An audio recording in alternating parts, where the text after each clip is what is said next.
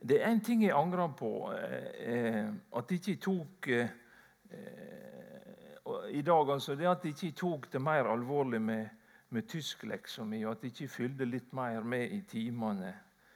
Når jeg prøver å snakke tysk, da blir det veldig mye rart. Som det ofte blir når en skal snakke et språk en ikke kan. ikke sant? Um, I tillegg så har jeg fransk aksent på det jeg prøver å si på tysk, så det gjør ikke noe bedre. Uh, anyway, så i dag er det fastelabend. Eller fastelavnssøndag, som vi sier da. Og fastelavn det kommer fra tysk. Eh, og verbet 'fasel' det betyr å drive ablegøyer. Så tysk, altså. Fastelavn var en kveld med leven og moro før fasten starta nå på onsdag. Og Da går han fra gammelt av inn i ei tid da vi eh, skulle gjennom refleksjon og ettertanke forberede seg på disse veldige hendingene rundt påske. Nå er det en stund til påske ennå, men i dag har vi for oss en sånn veldig tekst, på en måte. Eh, det er nesten så vanskelig å fatte fatte og tro og forstå den. Ehm, og Derfor skal vi be i lag før vi gjør noe mer. Kjære Jesus, takk for at vi kan samles her om ditt ord. Og nå ber vi at eh, du ved din Hellige Ande må gjøre slik at eh, vi kan få tak i noe av dette her du, du sier til oss. At vi kan ta det til oss. Kjære Jesus, i ditt navn ber vi. Amen.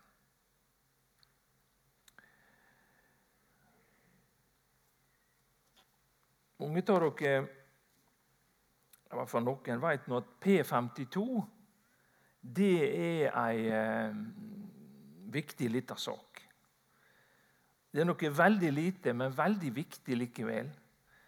Eh, for denne søndagen så skal vi en gang nok en gang gå en tur innom eh, i Johannesevangeliet, som er ei annerledes bok på mange vis. da. Eh, ta disse fire evangeliene vi har i Bibelen vår, Matteus, Markus, Lukas og Johannes, så kalles de tre første de kaller de syndoptikerne. Eh, og nå hører vi allerede optikk. Det handler om å se. Og syn det betyr å se det samme, eller samsyn på et vis. Disse tre første de eh, har veldig mye fellesstoff, og de ligner veldig på hverandre. Det er forskjeller, men det er veldig mye likt. Men Johannes-evangeliet det er annerledes. Både i språk og i, i uttrykksmåte, i ord og begrepsbruk. Og, og det er mye, mye særstoff. Det, vil si det, det er mye som kun står i Johannes-evangeliet, ikke de andre evangeliene. Og hva tenker fornuftige, kloke folk da? Sånn som historikere og forskere. Da tenker de ja, dette var rart. Nei, dette kan ikke apostelen Johannes ha skrevet. Nei, dette har nå kommet til seinere. Vi ser hvordan det er preget av tanker som kom på banen lenger ut i historien. Kirka og de kristne har nok i møte med forskjellige utfordringer og lærestrid hatt behov for å forankre teologien. Og så er det kommet til et skrift da, som er gitt autoritet ved å legge det i munnen på Johannes. Ut fra språk, tema, så ble vel dette skriftet til eh, en gang nærmere år 200, lenge etter Johannes. Det høres noe rimelig ut. Og Som kristen så har jeg ikke lyst til å havne i denne gruppa med crooks, quacks and idiots, som det var en som sa. Han brukte det om vaksinemotstandere. da. Altså, Johannes evangeliet må vi altså ta med en klype salt og forstå ut fra kirka sitt behov for samling og ro i rekkene. Ok, det høres vel fornuftig ut, om det ikke var for P52. P52 er en liten papyrusbit som ble funnet eh, i Egypt av en som heter Bernard Grenfell. Når de begynte å analysere dette, her, så ser de at det er en nøyaktig avskriving fra Johannes 18, 31 33 og 37 38. Eh, og gjennom skriftanalyse og alt dette her, så klarte han altså å dotere det nøyaktig til keiser Trajans tid, som levde fra 98 til 117 etter Kristus. Og Så ser vi at her har vi fått en nøyaktig avskriving av Johannesevangeliet. Mye, mye yngre enn det som kloke folk har sagt.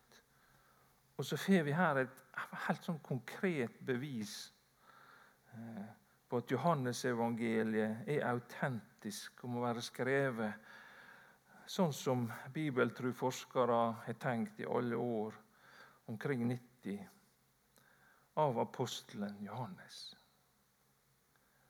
Autoritet. Vi kan være trygge på at dette er Guds ord til oss. Apostelen Johannes han har et mål med evangeliet sitt. Han sier har skrevet det for at de skal tro at Jesus er Messias, Guds sønn, og for at de som tror, skal ha liv i Hans navn. Å ha liv, underforstått evig liv, er altså uløselig knytta til trua på Jesus fra Nasaret, at han er Guds sønn, at han er Messias, den lova frelserkongen. Og Dette fundamentalt viktige er det Johannes prøver å få fram. At leseren skal få tak i hvem Jesus egentlig er, og få tro på han. For da eier du egentlig alt.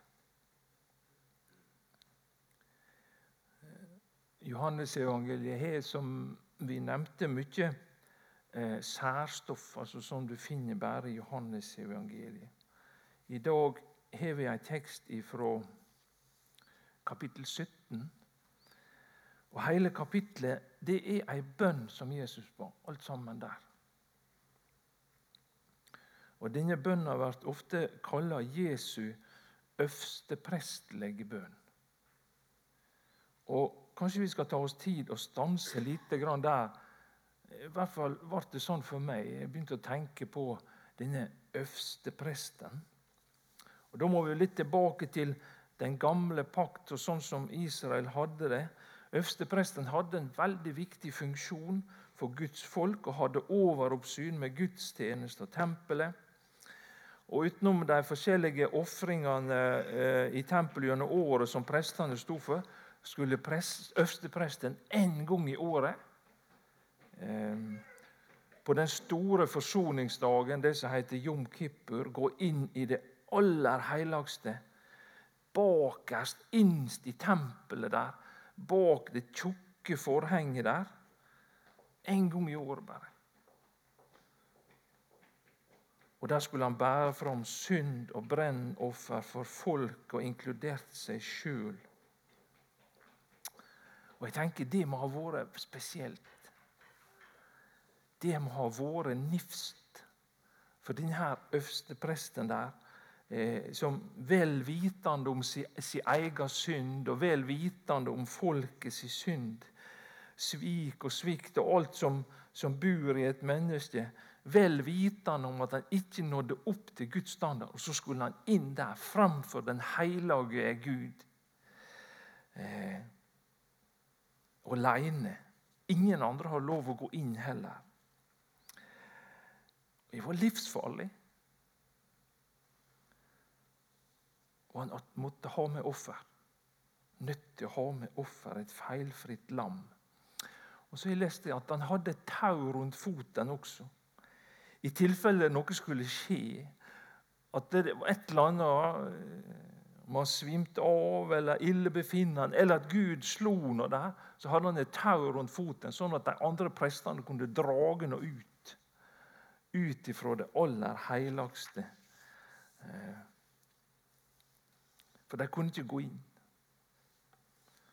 Og Hva forteller dette oss? Jo, det handler om en, en, en, en, eh, en heilag, en rettferdig Gud, som er en oppslukende eld mot alt ureint. Det er, det er Guds natur. Jeg har tenkt litt om, eh, om dette tempelet litt um, På en måte Dette skiltet har dere sett. Et sånt skilt har dere sett mange plasser. Og Da forstår vi at dette her er ikke noe vi leker oss med. Eh, og jeg tenker at Tempelet er på en måte en slags sånn trafostasjon. Her er vi en Jeg er ikke helt sikker på det nå. Eh, men, eh, men der, trafostasjonen, det er der høgspenten kommer ned. ikke sant? Tusenvis av volt der. Det er enorme krefter der. Det er varselskilt på disse plassene. For, og kraftig låste dører og porter og det betongelement. For kommer du inn der og gjør feil, da er du ille ute. Og Derfor trenger jeg en øvsteprest som på mine vegne ordner opp, og som tar min sak. Og hvem kunne tåle dette hellige kraftfeltet som fyller med en allmektig Gud? Hvem tåler det? Jo, det er ingen uten Gud sjøl i sin egen sønn. Ja, en slik øversteprest var det vi trong, heilag og uten vondskap, rein, skild fra syndere og opphøyd over himlene.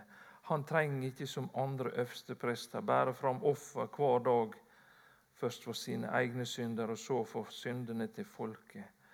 For offeret bar han fram en gang for alle da han ofra seg sjøl.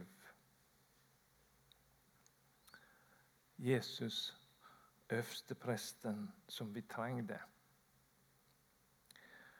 Og når Jesus ber sin øversteprestlige bønn, som vi ofte kaller hele dette kapittel 17, så er det sånn han framstår. En som på vegne eh, av folk på vegne av meg og deg tar oppgjør der for oss. Vi kan dele kapittelet i tre. Dette der, kapittel 17. Først 1-5 om herliggjøringa av Sønnen og verket Jesus gjorde, og hvordan Gud blir herliggjort gjennom det Jesus gjør. Og så har vi neste del. Da er det bønn for disiplene eh, og deres oppgave. Og så har vi siste delen. er bønn for de som kommer til tru gjennom disiplene sitt vitnemål. Og Det er denne siste delen her som er teksta for denne søndagen. Og der står det slik Jeg bed ikke bare for disse men for alle de som gjennom deres ord kommer til tro på meg. Jeg ber at de alle må være ett, slik du, Far, er i meg og jeg i deg. Slik skal de òg være i oss, så verden skal tro at du har sendt meg. Den herligdommen som du har gitt meg, har jeg gitt dem, så de skal være ett, slik som vi er ett. Jeg i deg, og du i meg, så det helt og fullt kan være ett. Da skal verda skjøne at du har sendt meg, og at du har elska deg slik du har elska meg. Far, jeg vil at de du har gitt meg, skal være hos meg der jeg er, så de får se min herligdom, den du har gitt meg, fordi du elska meg før verda ble grunnlagt. Rettferdige Far, verden kjenner deg ikke, men jeg kjenner deg. Og disse veit at det er du som har sendt meg. Jeg har kunngjort navnet ditt for deg, og skal kunngjøre det. Så den kjærleiken du har hatt til meg, kan være i deg, og jeg sjøl kan være i deg.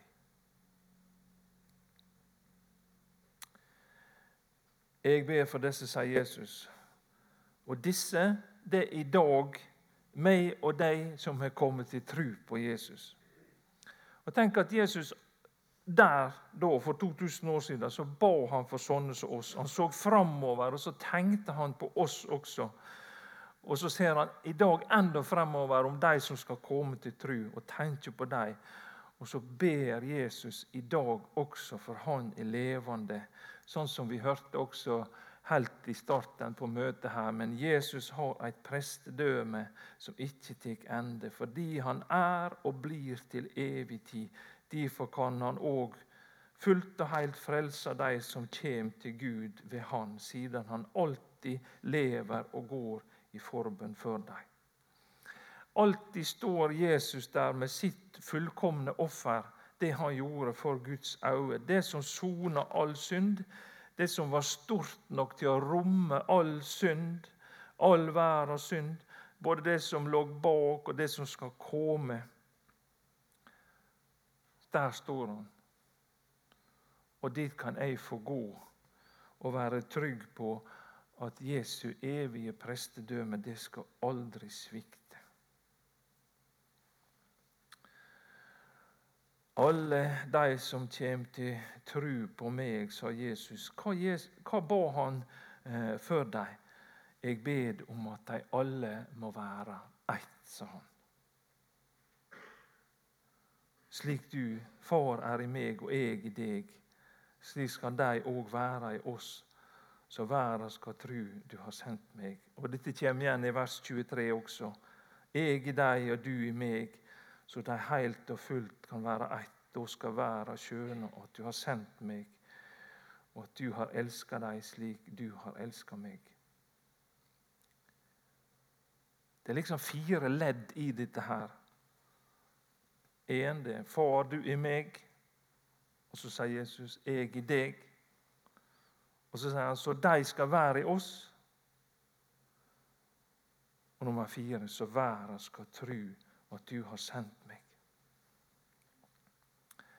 Jeg må si jeg kaver med dette her, altså. Det er liksom så Det er liksom så Det er så voldsomt på en måte å få tak i det. Det er uttrykt så høytidelig og sterkt. Eh, men jeg tror når en på en måte kommer inn i kjernen i det, så handler det om at den som har fått tak i hvem Jesus er, den som har kommet til tro på han, han har kommet i en helt ny situasjon. Han har kommet inn i fellesskapet med Gud. Han er blitt Guds barn, har gått fra død til liv. En så enorm endring. Og Sånn har det blitt også med alle andre som har fått tak i dette. her, At ved Den hellige ande så har det skjedd noe enormt ved trua på Jesus. Eh, I, vers 8, litt lenger framme i samme kapittel, så sier Jesus dette her. For de orda du ga meg, har jeg gjeve deg. Og de har tatt imot og virkelig forstått at jeg har gått ut fra deg. Og de har kommet til tru på at du har sendt meg. Slik sa Jesus om disiplene. Og så Litt lenger framme i kapittel 14 så sier Jesus dette her. Jesus svarer, 'Den som elsker meg og holder fast, fast, på ordet mitt', 'og den som elsker meg, skal Far min elske', 'og vi skal komme og ta bostad hos ham'. Jeg hører dere hvor, hvor radikalt det er, hvor voldsomt det er. At det Jesus sier også, Han snakker om han og far sin, han snakker om Gud, den allmektige Gud. Han snakker om eh, seg sjøl. Så sier han vi skal komme og ta bostad hos ham. Jeg syns det nesten det går, over, eh, det går over. Og det er egentlig det Jesus snakker også om denne her, i denne øversteprestelige bønna om hva det er som har skjedd. Ved trua på Jesus så skjer det noe enormt. Og så lyder det egentlig sånn til, til den som har fått tak i dette her, til den som tror. Du er kommet inn i en sånn enhet eh, med de andre truende inn i en enhet med Faderen og Sønnen. Så vær der. Bli djupere forankra. Bli der. Akkurat som eh, det også Jesus sier, vi er hele tida i Johannesevangeliet kapittel 15. Vær i meg, så er jeg i dykk. Som greina ikke kan bære frukt av seg sjøl, men bare når hun er på vintreet. Slik kan heller ikke de bære frukt hvis de ikke er i meg. Jeg er vintreet, de er greinene. Om de blir i meg og jeg i dykk, da bærer de mye frukt. Men skilde fra meg kan de ingenting gjøre. Akkurat det samme. Bli i meg, jeg i dykk. Og så skal frukta komme også. Og Det er akkurat det samme som vi har i vårt kapittel også. Hva som var målet med denne enheten? Det var så verden skal tru at du har sendt meg. Og i vers 23 eh, Verden skjønner at du har sendt meg. Verden står Gud imot.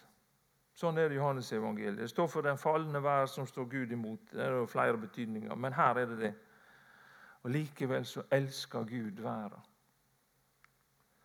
Jesus han ber for sine for at de skal leve slik at de som ennå ikke har trodd eller forstått at Jesus er frelseren, at han er sendt av Faderen, at han er kommet ikke for å dømme verden, men for at verden skulle bli frelst med han.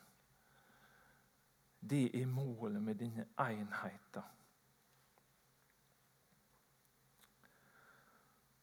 Og Så kan vi nå tenke litt over det, denne enheten, hvor det er med oss i dag. I Confessio Augustana, eller den augsburgske vedkjenning, står det slik om Kirkens enhet. Til Kirkens sanne enhet er det tilstrekkelig at man stemmer overens om evangeliets rette lære og sakramentenes rette forvaltning. Det er derimot ikke nødvendig at man overalt har de samme kirkelige tradisjonene, skikkene og seremoniene.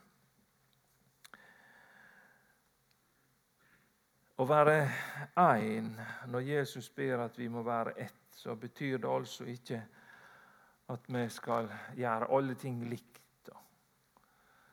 at alle skal være like, og at ikke det skal være flere arbeidslag og ikke det. Men det handler om å være én i Han, i trua på Han som den som Gud har sendt, at Han er frelseren. Og Så er det nå egentlig mange ting å tenke over i, for den som er kristen i dag. Om vi har vi har denne egenskapen som Jesus ber om, eller om vi har latt ting komme i veien. Jeg tror ikke vi skal gjøre alt likt, men jeg tror det er viktig også at vi ser litt utover vår, vårt eget ja, skal vi si, båtlag. Og så skal ikke vi være fornøyde om det går bra med oss, og det går dårlig med de andre.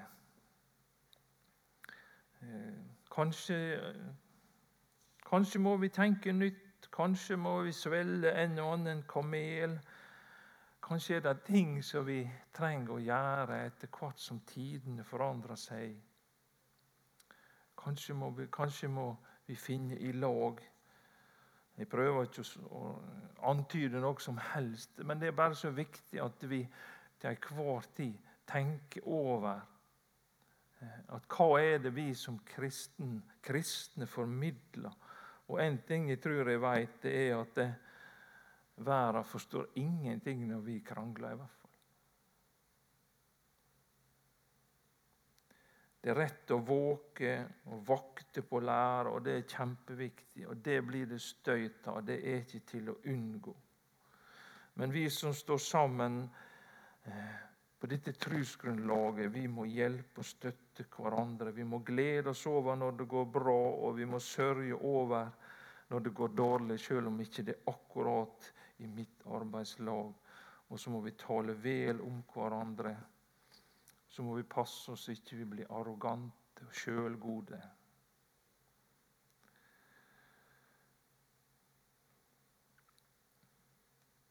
Jeg tror jeg skal slutte her. Det er masse i teksten som ikke har vært innom. Massevis. Men husk dette her utrolige. At, at Faderen, han vil være din far. At Jesus, han vil være din bror. Og at de vil bo i deg ved sin hellige ande. Husk det som Luther sier Den som tror, mottar to ting fra Gud nåden og gåva. Nåden tilgjev synder og skaffer samvittighet, trøyst og fred. Gåva er at Den hellige ande virker i mennesket nye tanker, et nytt hjerte, styrke og liv. Det er ikke rart at eh, Lina Sandell sier det. Er det sant at Jesus er bror min? Og at himmelens arm hører til? Er det mulig, sier Lina Sandell. Det er det. Og det er ikke noe annet Gud Fader og Jesus vil enn at nettopp det skal være sant for deg også.